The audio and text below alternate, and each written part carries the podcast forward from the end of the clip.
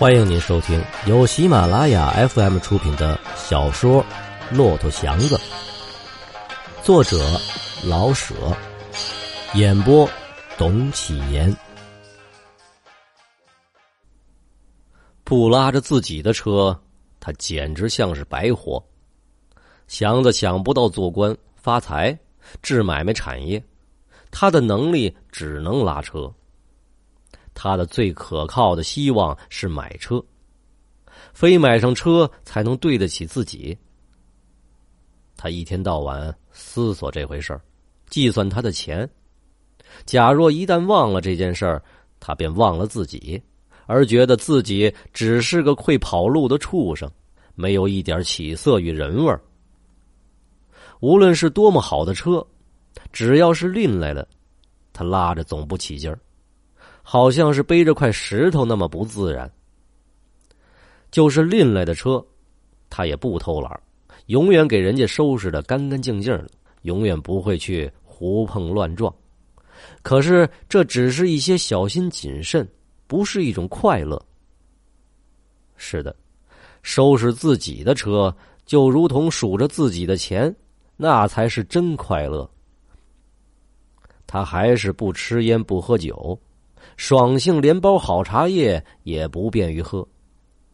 在茶馆里，像他那么体面的车夫，在飞跑过一气以后，讲究喝十个子儿一包的茶叶，再加上两包白糖，为的是补气散火。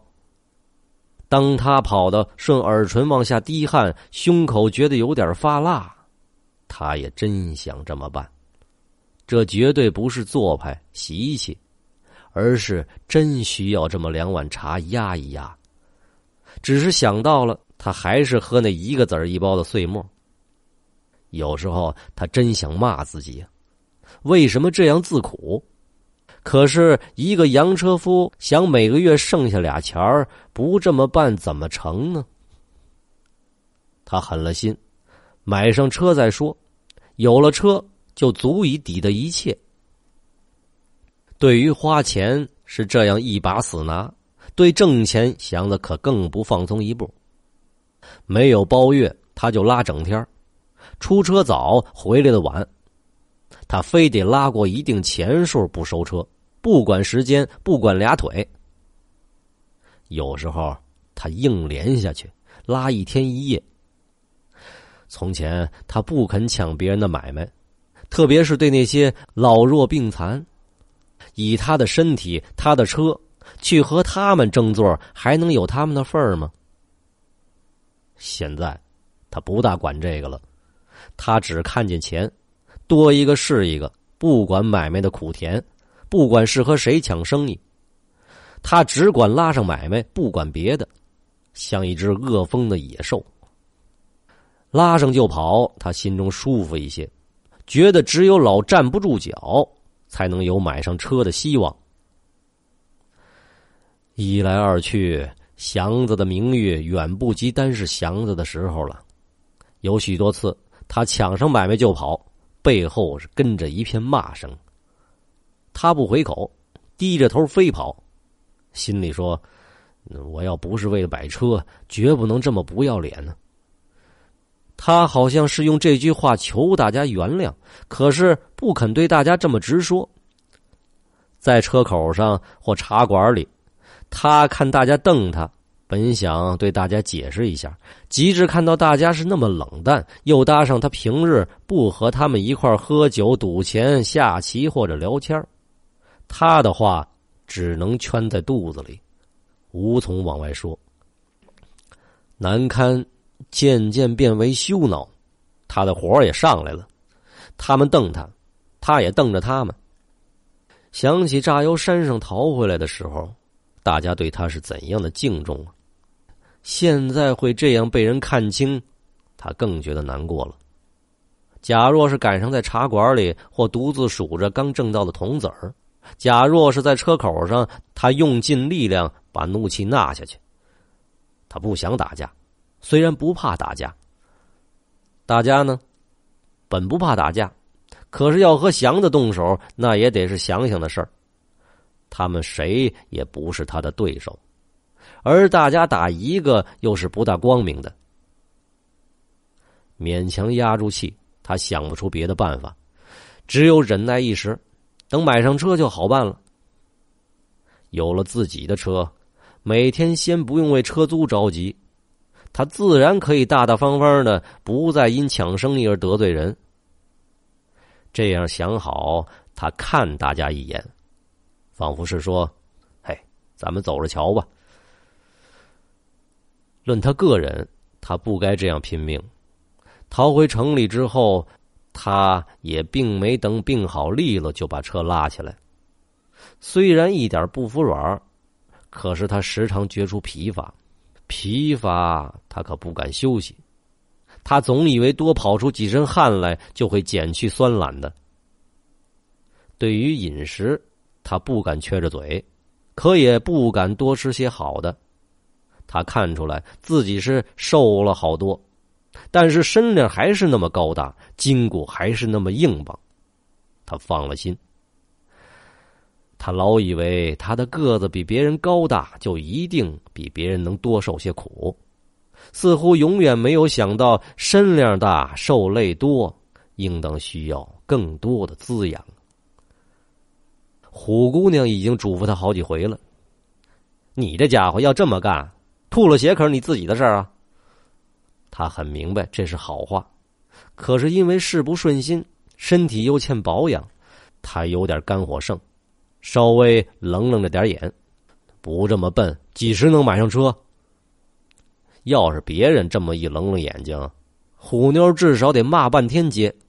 而对祥子，他真是一百亿的客气。他只撇了撇嘴，买车也得悠挺着来呀。你当你是铁打的呢？你应当好好休息三天。好，你有你的老主意，死了可别怨我啊。刘四爷也有点看不上祥子了。祥子的拼命早出晚归，当然是不利于他的车。虽然说租整天的车是没有时间的限制，爱什么时候出车收车都可以。可若是人人都像祥子这样死啃，那一辆车至少也得早坏半年。多么结实的东西也架不住盯着坑使啊！再说呢，祥子只顾死奔，就不大匀得出功夫来帮忙给擦车什么的了，又是一项损失。老头心中有点不痛快，可他也没说什么。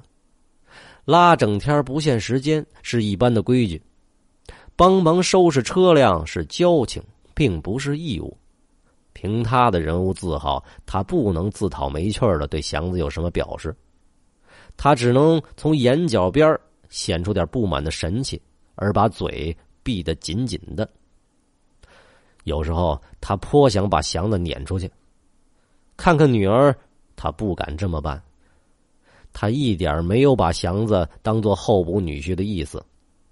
不过，女儿既是喜爱这个愣小子，他也就不便于多事儿。他只有这么一个姑娘，眼看是没有出嫁的希望了，他不能再把他这个朋友也赶了走。说真的，虎妞是这么有用，他实在不愿他出嫁。这点私心，他觉得有点怪对不住他的，因此他多少有点怕他。老头子一辈子天不怕地不怕，到了老年反倒怕起自己的女儿来，也就不肯赶祥子出去了。这自然不是说他可以随便由着女儿胡闹，以至于嫁给祥子，不是。他看出来女儿未必没那个意思，可是祥子并没敢往上巴结，他就留点神就是了，犯不上先招女儿不痛快。祥子并没注意老头子的神气，他顾不得留神这些闲班假若他有愿意离开仁和厂的心意，那绝不是为赌闲气，而是盼望着拉上包月。他已经有点讨厌拉散座了，一来是因为抢买卖而被大家看不起，二来是因为每天的收入没有个定数，今天多，明天少。不能预定到几时才能把钱凑足，够上买车的数。他愿意心中有个准头，哪怕是剩的少，只要靠准每月能剩下个死数，他才觉得有希望，才能放心。他是愿意一个萝卜一个坑的人。他拉上了包月，哎，和拉散座一样的不顺心。这回呢是在杨宅。杨先生是上海人，杨太太是天津人，杨二太太是苏州人。一位先生，两位太太，南腔北调的，生了不知有多少孩子。头一天上工，祥子就差点发了昏。一清早，大太太坐车上菜市去买菜，回来分头送少爷小姐们上学，有上初中的，有上小学的，还有上幼稚园的。学校不同，年纪不同，长相不同，可是。都一样的讨厌，特别是坐在车上，智老实的也比猴子多着两手。把孩子们都送走，送杨先生上衙门。到了衙门，得赶紧回来送二太太上东安市场或去看亲友。回来呢，接学生回家吃午饭，吃完再送走。送学生回来，祥子以为可以吃饭了，大太太扯着天津腔。叫他去挑水。阳宅的甜水有人送，洗衣裳的苦水归车夫去挑。这个工作在条件之外。祥子为对付事情没敢争论，一声没响的把缸挑满了，放下水桶，刚要去端饭碗，二太太叫他去买东西。大太太与二太太一向是不和的。可是，在家政上，二位的政见倒很一致。其中一项是不准仆人闲一会儿，另一项是不肯看仆人吃饭。祥子哪晓得这个呀？只当是头一天恰巧赶上宅里这么忙，于是又没说什么，自己掏腰包买了几个烧饼。他爱钱如命啊，可是为了维持事情，不得不狠了心。买东西回来，大太太叫他打扫院子。杨宅的先生、太太、二太太，当出门的时候都打扮的极漂亮，可是屋里院里整个像个大垃圾堆。祥子看着院子直犯恶心，所以只顾了去打扫，而忘了车夫并不监管打杂儿。院子打扫清爽了。二太太叫他顺手给屋里也扫一扫，祥子也没驳回。使他惊异的是，凭两位太太的体面漂亮，怎么屋里能这么脏呢？把屋子也收拾利落了。二太太把个刚到一周岁的小泥鬼儿交给了他，他没了办法。卖力气的事儿他都在行，可是没抱过孩子呀。他双手托着这位小少爷，哎，不使把劲吧，怕滑溜下去；用力吧，又怕给伤了筋骨。他出了汗。他想把这个宝贝去交给张妈，一个江北的大脚婆子。找到他，劈面就被他骂了顿好的。阳宅用人向来是三五天一换，先生与太太们总以为仆人就是家奴。非把穷人的命要了，不足以对得起那点工钱。只有这个张莽已经跟了他们五六年，唯一的原因是他敢破口就骂，不论先生哪管太太，招恼了他就是一顿。以杨先生海市咒骂的毒辣，杨太太天津口的雄壮，再加上二太太苏州调的流利，他们素来是所向无敌的。极致遇到了张妈的蛮汉，他们开始感到一种礼尚往来了，英雄遇上了好汉的意味，所以颇能赏识他，把他收做了亲军。祥子生在北方的乡间，最忌讳随便骂街，可是他不敢打张妈，因为好汉不和女斗，也不愿意还口，他只瞪了他一眼。张妈不再出声了。仿佛看出点什么危险来。正在这个功夫，大太太喊祥子去接学生，他把泥娃娃赶紧给二太太送了回去。二太太以为他这是存心看清他，冲口而出的把他骂了个花瓜。大太太的意思本来也是不乐意祥子替二太太抱孩子，听见二太太骂他，他也扯开一条油光水滑的嗓子骂，骂的也是他。祥子成了挨骂的藤牌，他急忙拉起车走出去，连生气似乎也忘了，因为他一向没见过这样的事儿。忽然遇到头上，他简直是有点发晕。一批批的把孩子们都接回来，院中比市场还要热闹，三个妇女的骂声，一群孩子的哭声，好像大石烂在散戏时那样乱。而且乱的莫名其妙，好在他还得去接杨先生，所以急忙的又跑出来了。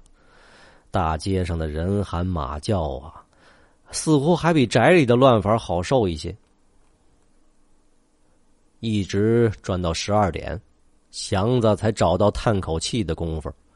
他不至于觉得身上疲乏了，脑子里也老嗡嗡的响。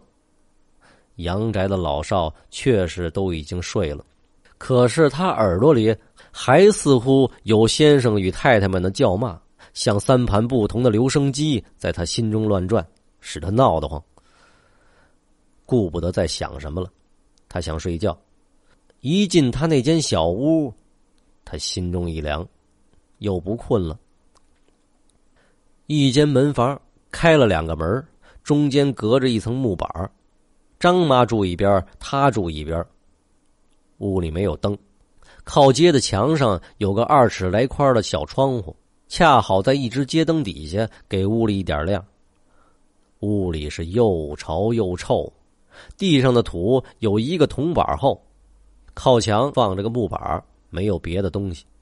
他摸了摸床板，知道他要是把头放下，就得把脚蹬在墙上，把脚放平就得半坐起来。他不会睡元宝式的觉。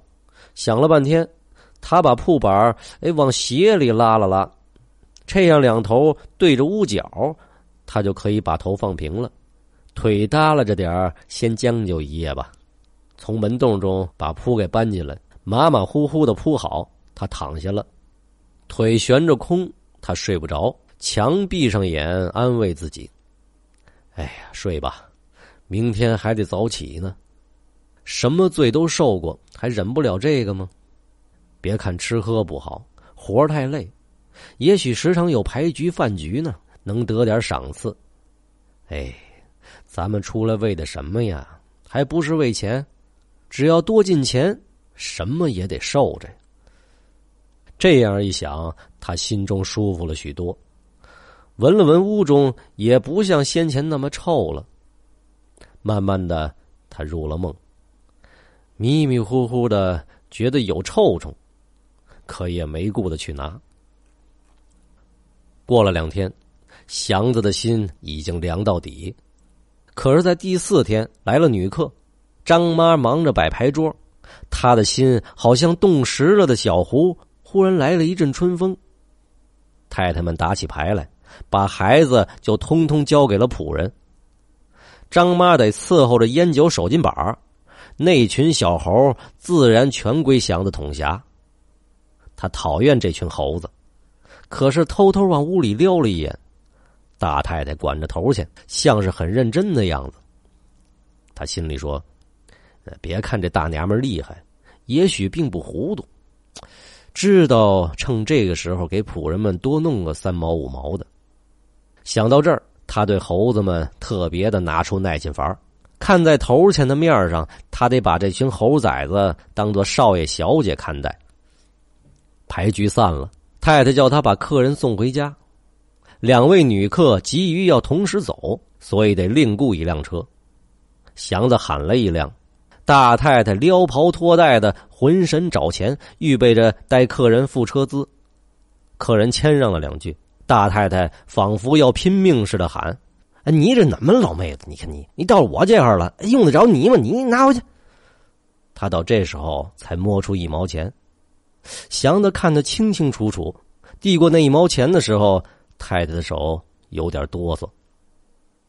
送完了客，帮着张妈把牌桌收拾好，祥子看了太太一眼，大太太叫张妈去拿开水，等张妈出了门，他拿出一毛钱来，拿去，别拿眼老扫的我。